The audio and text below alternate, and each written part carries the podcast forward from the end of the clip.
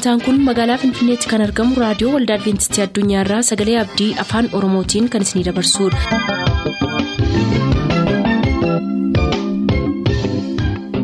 harka fuuni akkam jirtu dhaggeeffattoota keenya nagaan waaqayyoo bakka jirtan hundaati isiniif haa baay'atu jechaa sagantaan nuti har'a qabannee isiniif dhiyaannu sagantaa dhuga ba'umsaaf sagalee waaqayyoo ta'a gara sagantaa dhuga ba'umsaatti dabarru.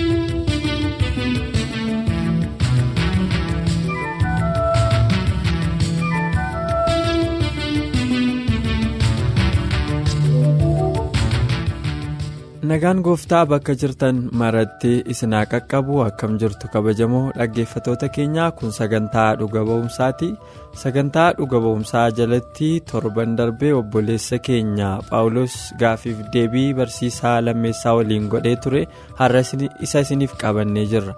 Isinis qophii keenya waliin obsaan turaa isiniin jechaa gara gaaffii keenyaattan isin dabarsa. Egaa barsiisaa lammeessaan dhugaan isin amansiise. Isa kamii. Gaaffii jedhuuf deebii yoo kennan yaada kana nuuf deebisan.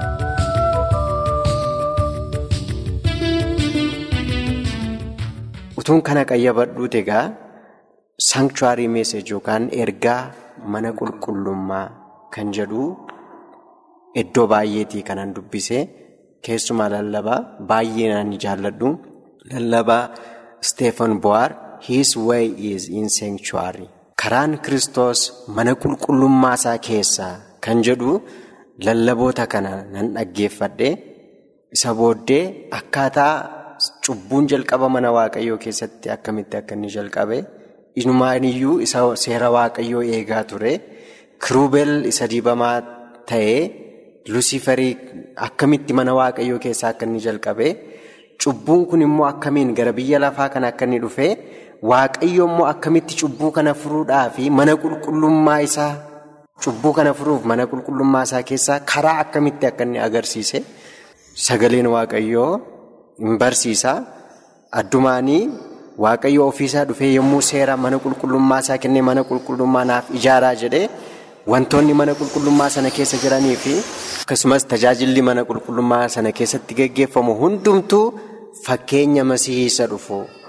Akka inni agarsiisu kiristoosis immoo yommuu dhufee akkuma keenya godoo keessa akka inni buufate godoo cubbamoonni keessa jiraatan keessa akka inni buufate garuu ofiisaa cubbuu utuun hojjetiin cubbamoota gidduu jiraatee seera waaqayyoo galmaan ga'ee hoolaa mudaa hin qabne ta'ee qalamuudhaaf immoo gara kutaa isa biyya lafaa kanarra jiru kutaa isa jalqabaatti akka inni ol seene kanaan immoo qoratame.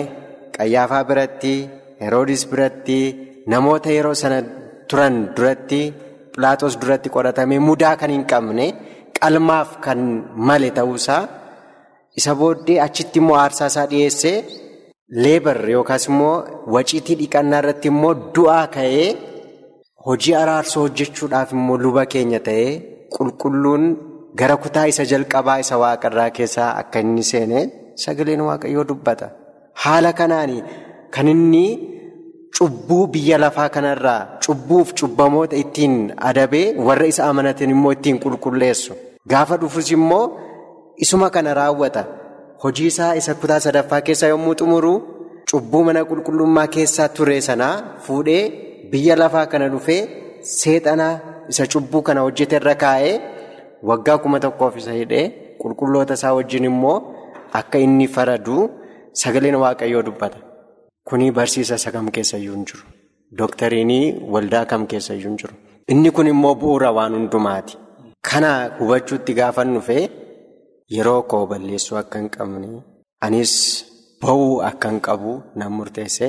Ammas obboleessa koo taaddaleetti nan bilbilee naqamteetii adventistii nama beektu yoo qabaattee bilbilii na qunnamsiisin jedhee. Isa booddee Iyyaasuu kan jedhamu akka carraa ta'ee yeroo sana barataa ko ture CBTP kan jedhamu koorsii isaaniif kan kenna ture. Inni isatti bilbilee isaa wajjin wal beeknaa inni immoo bilbilee na argate kana booddee waa baay'ee erga haasofnee booda utuun holladhu iddoo kana dhufee asumaan miseensa ta'ee hafee. Baay'ee gaariidha. Kabajamtoota dhaggeeffatoota keenya barsiisaan akkamittiin dhugaa kana qorachuu akka isaan jalqaban Amma immoo akkamittiin gara mana kanaa akka isaan dhufan gara waldaa waaqayyootti akka isaan makaman dhageenye jirra. Amma egaa barsiisaa gara waldaa kanaa akka dhuftan nu himtaniitu akkamittiin agartan erga addana jiru haala waaqeffannaa addana jiruuf isa dur keessa turtan akkamittiin madaaltani? Haalli waaqeffannaa iddoo kana jiru akkan eegee dhufe caalaatti kanan arge. Kana jechuun maanni waldaan kudha sagal sagaltamii torba dura keessa ture wajjin wal fakkaata. Haalli faarfannaa akkasumas immoo akkaataa itti dubbiin sagalee waaqayyoo barsiifamu akkaataa itti kadhanni kadhatamu waan hundumaa dursa garuu ammayyuu ergaan jalqaba waldaa kiristaanaa keessaa dhaga'ee amma har'aatti hafee waldaa kana keessa jira. Innis maali? Qalbii geeddaradhaa dammaqaa dhufaatiin kiristoos dhiyaateeraa isaaf of qopheessaa kan jedhu. Ergaan kun irra deddeebi'amee barsiifamaa. Namoonni jireenya isaanii akka qopheessan, jireenya isaanii akka qoran, dubbii sagalee waaqayyootiin adeemsa isaanii akka qajeelfatanii waldaan kun hin barsiifti. Kana duwwaayyuu immoo utuu hin taane waldaa ergaa bara dhumaa qabduudha waldaan kun. Biyyi lafaa har'a eessa gahee eessaa dhufee eessa gahee dhaabbateera amma immoo maaltu hafaa jettee waldaa miseensa ishee hubachiistu akkasumas immoo biyya lafaa akeekkachiiftudha. Kanaaf namoonni baay'een tarii dhugaa ba'umsa kanarraatii hamma kana kan jedhame waa'ee waldaa kanaa beekuu dhabuu danda'u yookiin immoo waldaan kun waldoota. Gara biraa keessaa adda baatee kan wantoota isaanitti fakkaatee mul'achuu danda'a. Waldaan kun waldaa hiyyeetti waldaa macaafa qulqulluuf sagalee waaqayyoo duwwaa qabdu, waldaa seera waaqayyoo barsiiftu, akkasumas immoo waldaa firdii waaqayyoo barsiiftudha. Yeroon kun yeroo firdiiti. Isa kana macaafni qulqulluu sirriitti dubbata. Waldaa isa kaan keessatti kan. Ani eegee dhabee addumaan immoo bara kudha sagal sagaltamii sagalii as dheebuu sagalee waaqayyoo fi beela sagalee waaqayyootiin miidhamaa kanan ture hundumaa kanan argadhe waldaa kana keessatti. Sagaleen waaqayyoo kan inni dubbatu yeroo kiristoositti amanne caalaa guyyaan fayyinaa har'a nutti dhiyaateera jedha. Iddoo biraatti kan barsiifamu garuu.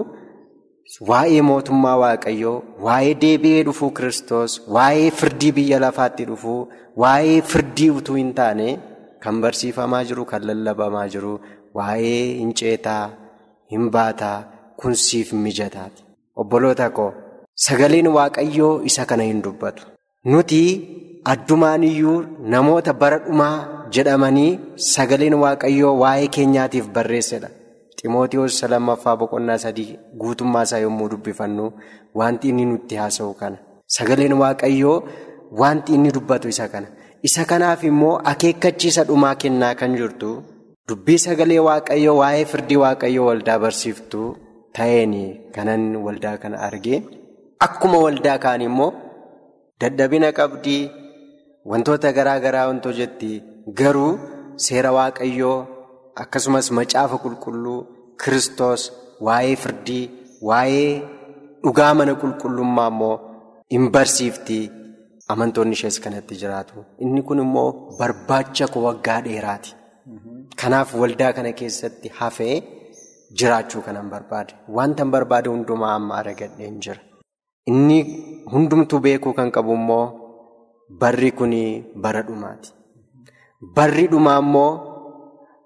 Bara nooyiitti akkuma ta'e bara dhufa ilma namaatti akkasuma ta'aa jira. Wanti nuyi argaa jirrus isa kana. Bara nooyiitti maaltu ta'aa ture?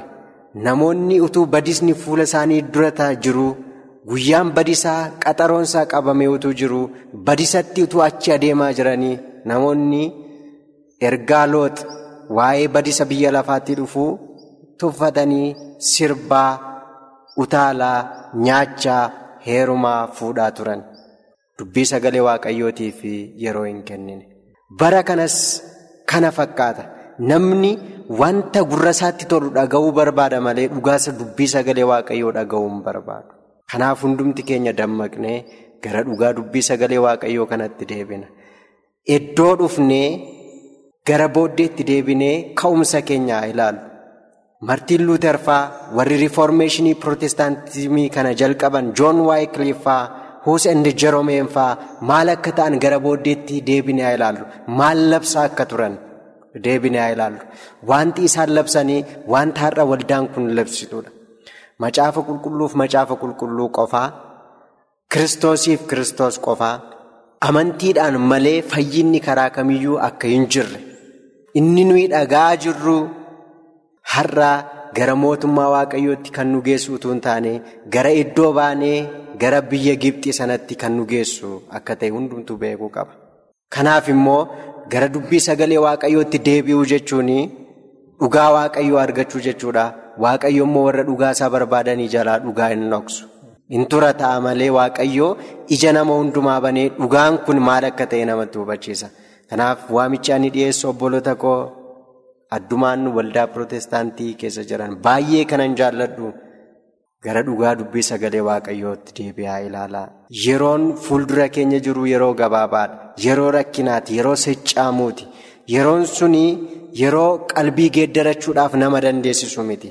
Haalli addunyaan itti jiru sa'aatiin amma nuyi jiraachaa jirru kuni yeroo firdii guddaan badisni guddaan fuula keenya duraa nu eeggatudha.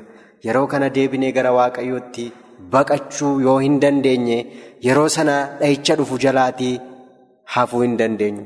Tesaloon keessa duraa boqonnaa shan akka isin dubbifattan immoo isin nan affeera. Nagaadha gabiidha utuu jedhanii badis itti yaadameen akka dubartii ulfaatti ciniinsuun dhufuutti akka tasaa isaan irra ba'a.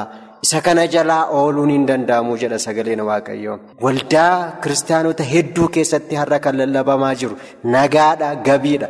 Biyyuma keenyallee yommuu ilaalle nagaan yommuu hin jirretti namni iddoo garaa garaatti yommuu du'utti garuu waldaan nagaadha gabiidha jetti. Har'a biyyi lafaa kan inni lallabaa jiru nagaadha. Mootummaan gamtoome kan inni jechaa jiru nagaa. Wanti hundumtuu nagaa. Yeroo kana dammaqnee gara dubbii sagalee waaqayyootti deebi'uu yoo baanne badis itti yaadamiin eenyuyyuu jalaa ooluu kan hin dandeenye uumamuuf jira waan ta'eef adaraa gara dubbii sagalee waaqayyootti deebina. Ani gara waldaa adventistiitti deebi'aa hin jedhu. Dhugaa gaafa hubattan wanta murteessitan isiniyyuu beektu. Gara dubbii sagalee waaqayyootti deebi'uun garuu dirqama nama hundumaati. Dubbii sagalee waaqayyoo addumaan Daani'eel macaafa raajii Daani'eel. Maatiyoos boqonnaa 24 kan Kiristoos Iyyasuus waa'ee bara dhumaatiif bartoota isaatiif deebii kenne kan inni dubbate addumaan immoo mul'ata Iyyasuus Kiristoos jedhamee isa beekamu mul'ata Yohaannis akka isin dubbifattan immoo ergaa koo isiniif dabarsaa ulfaadhaa. Eegaa akkuma hordofaa turtan karaan waaqayyoo mana qulqullummaa isaa keessaa akka jedhame.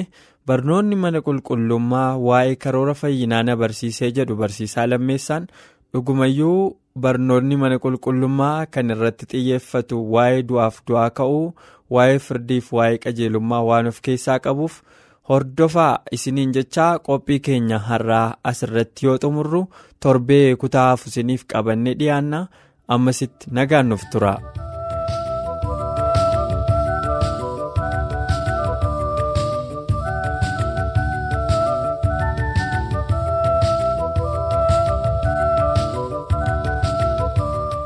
Turtanii raadiyoo keessan kan banattan kun raadiyoo adventistii addunyaa sagalee abdiiti.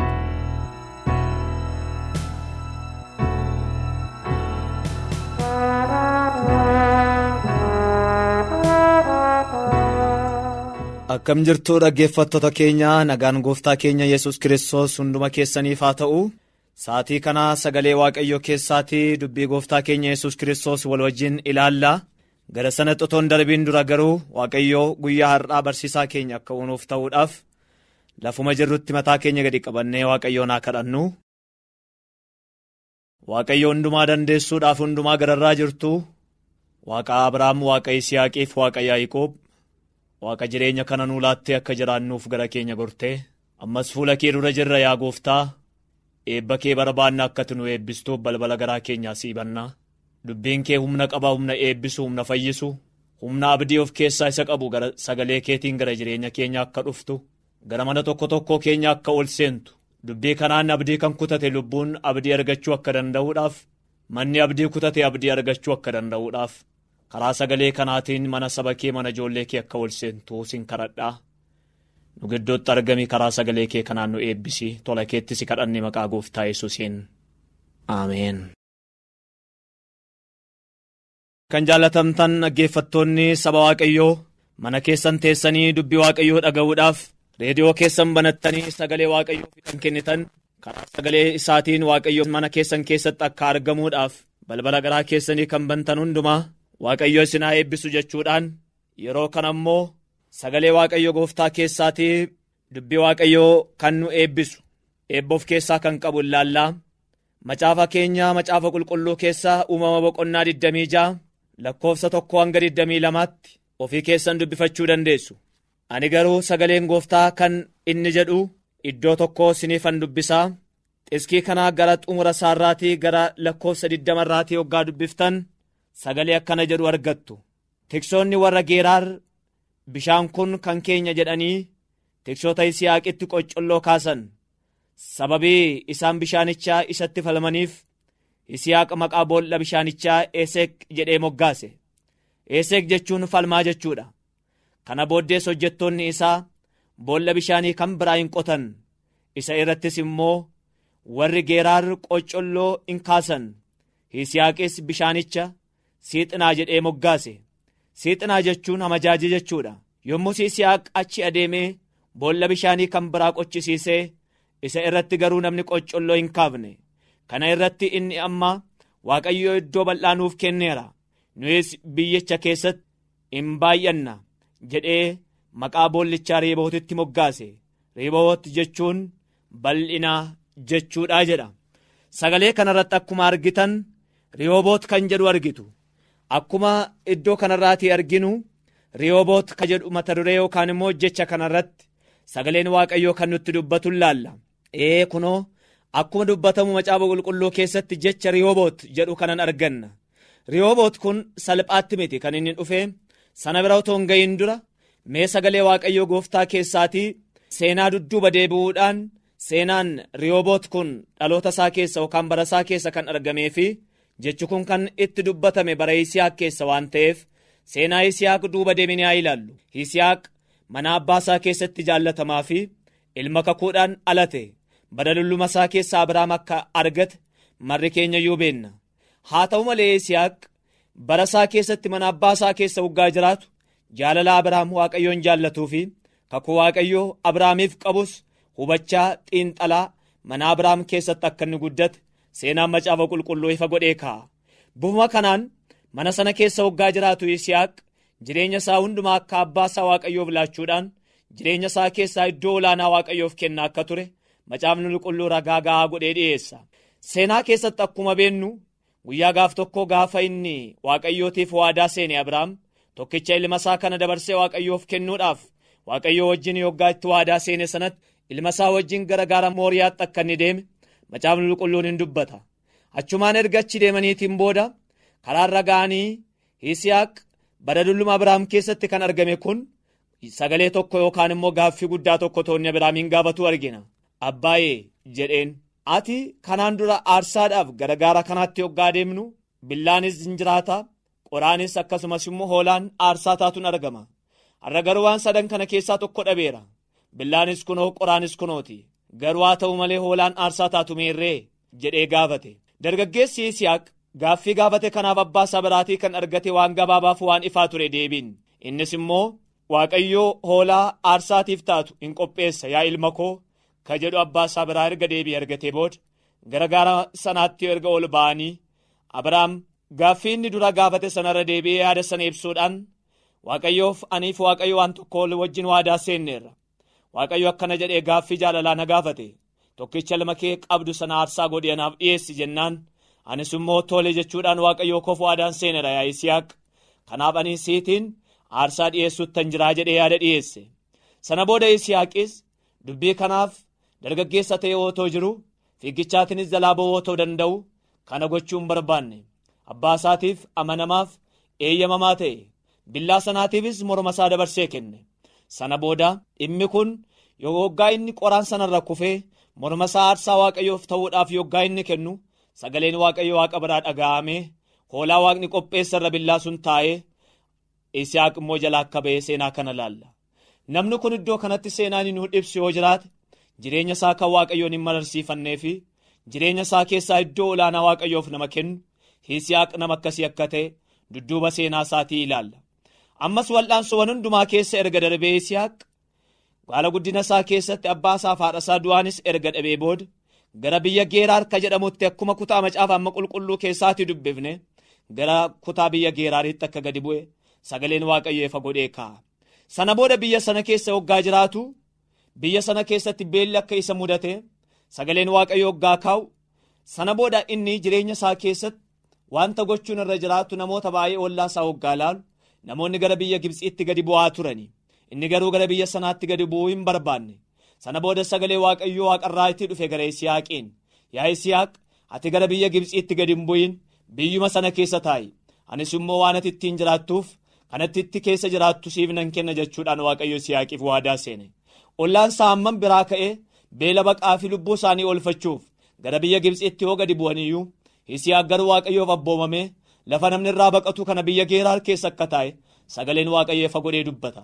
Sana booda akkuma sagaleen waaqayyoo amanamaaf dhugaa ta'e isiyaaqiif sagaleen gooftaa hoggaanni fiixaan ba'u waaqayyoos horiif qabeenyaatiin biyya sana keessatti isa eebbise. Innis eebba waaqayyoo danuu lakkaa'e.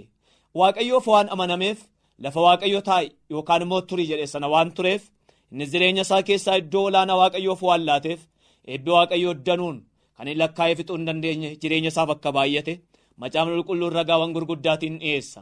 Sana booda biyya geeraar keessatti otuma taa'aa jiru kan isatti inaafan gara isaa dhufuudhaan boolla abbaan isaa qoteef abrahaam biyya sana keessa ka jiru.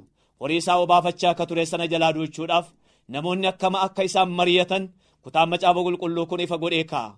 Sana booda boolla abbaan isaa isaafii qote kana dhaala abbaa isaa kan argate kana yoggaa namoonni dhufanii jalaa duuchan.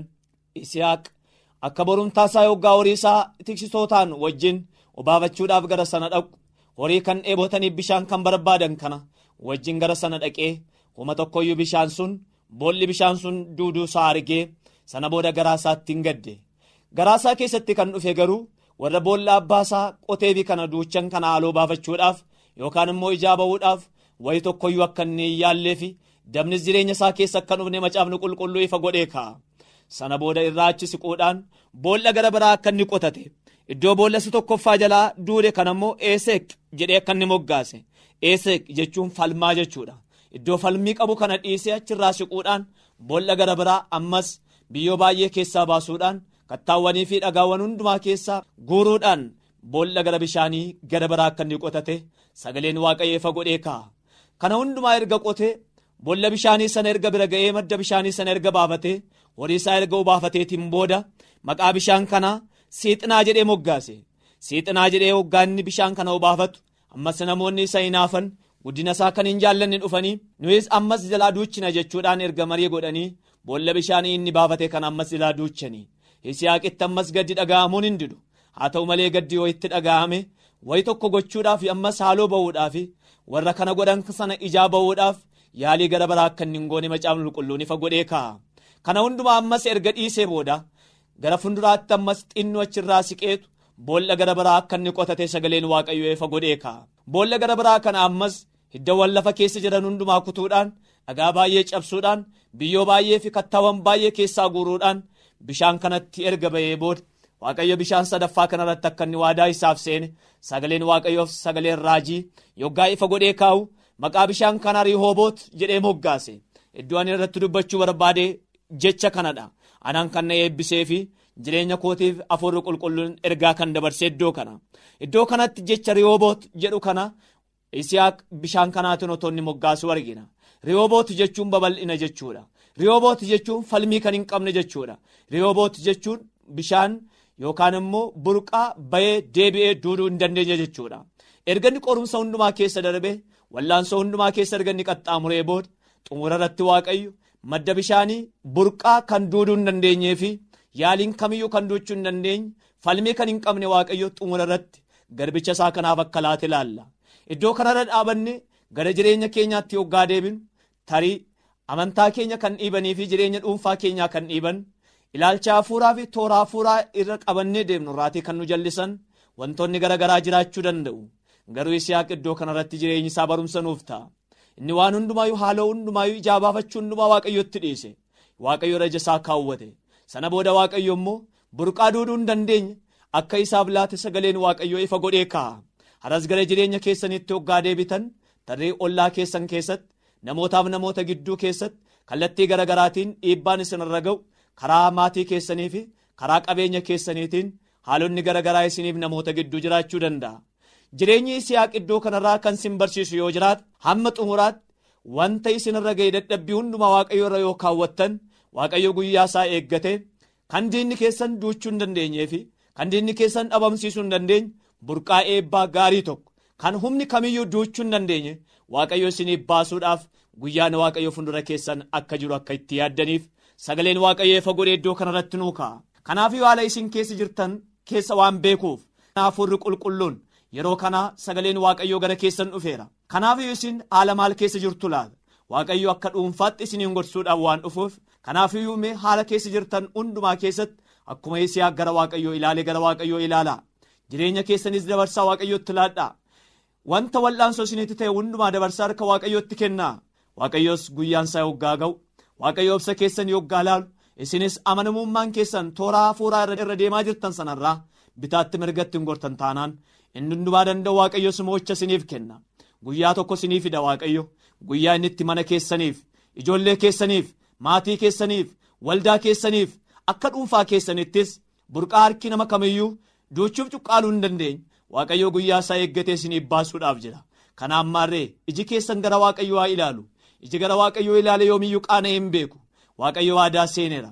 Warri gara koo ilaalan qaaniidhaan deebi'anii lafa ilaalan jechuudhaan gooftaan akkuma waadaa seen mee kanaaf uumama boqonnaa 20 lakkoofsa tokko hanga 22tti isa jiru sanarraatii akka bartaniif sinan gorsaa kanaaf mee jireenya keessan gara waaqayyootti deebisaa eebba waaqayyoo fudhachuudhaaf jireenya keessan waaqayyoof kennaa mee sagaleen kun mana keessanii maatii keessaniitiif eebba akka ta'uudhaaf mataa keenya gadi qabannee kadhannaa gabaabaa goona. waaqayyo gooftaa hundumaa dandeessu. Waa'ee sagalee kanaaf si galateeffanna. Ati rakkina mana keenyaa fi haala keenya waan argiteef sagalee kee sagalee waaqayyoon gara jireenya keenyaa dhufteetta. Ammas obboloonni koo haala isaan keessa jiran ati beetta mee waaqayyo lubbuu abdii kutannaa keessa jirtu jireenya kan itti hadhaa'eeru yaa waaqayyo gooftaa iji isaanii gaafa hundumaa dukkana kan argan abdiin kan jalaa badeeru. Tulluun kan itti ta'e jireenyi gaafa hundumaa sodaadhaaf yaaddoo keessa kan jiran karaa sagalee kee kanaatiin gara mana obbolaa koo gara jireenya isaanii akka ol seentu lubbuu abdii kutannaa keessa jirtuuf maqaa gooftaa yesus kiristoosiin sagaleen jajjabina kee waaqarraa gara isaanii akka dhaqu. Burqaa rihooboot harki nama kamiyyuu duuchuu kan hin dandeenye isiniif nan baasa jettee akkuma yeroo kana waadaa seente maqaama gooftaa yesus kiristoos nama naazireetiin burqaan duuduu hin dandeenye ijoollee keetiif akka mul'atu. Iji si abdachaa jiru gara kee ilaalaa jiru hundumtuu? Yaa waaqayyo gammachuudhaan ol jechuu akka ni danda'uudhaaf yeroo kana sagalee kana kan dhaggeeffatan hafuurri qulqulluun ijoollee kee akka gargaaruudhaaf sin kadhadha. Kadhannaa keenyaaf immoo deebii kenni fuula kee immoo nuu deebisi hafuurri qulqulluun immoo nu wajjinaa jiraatu nus waaqa wajjin jiraachuu akka dandeenyuuf ayyaana nuu baay'isi tola keetti immoo si kadhanne maqaa gooftaa kiristoos yesuusiin aameen.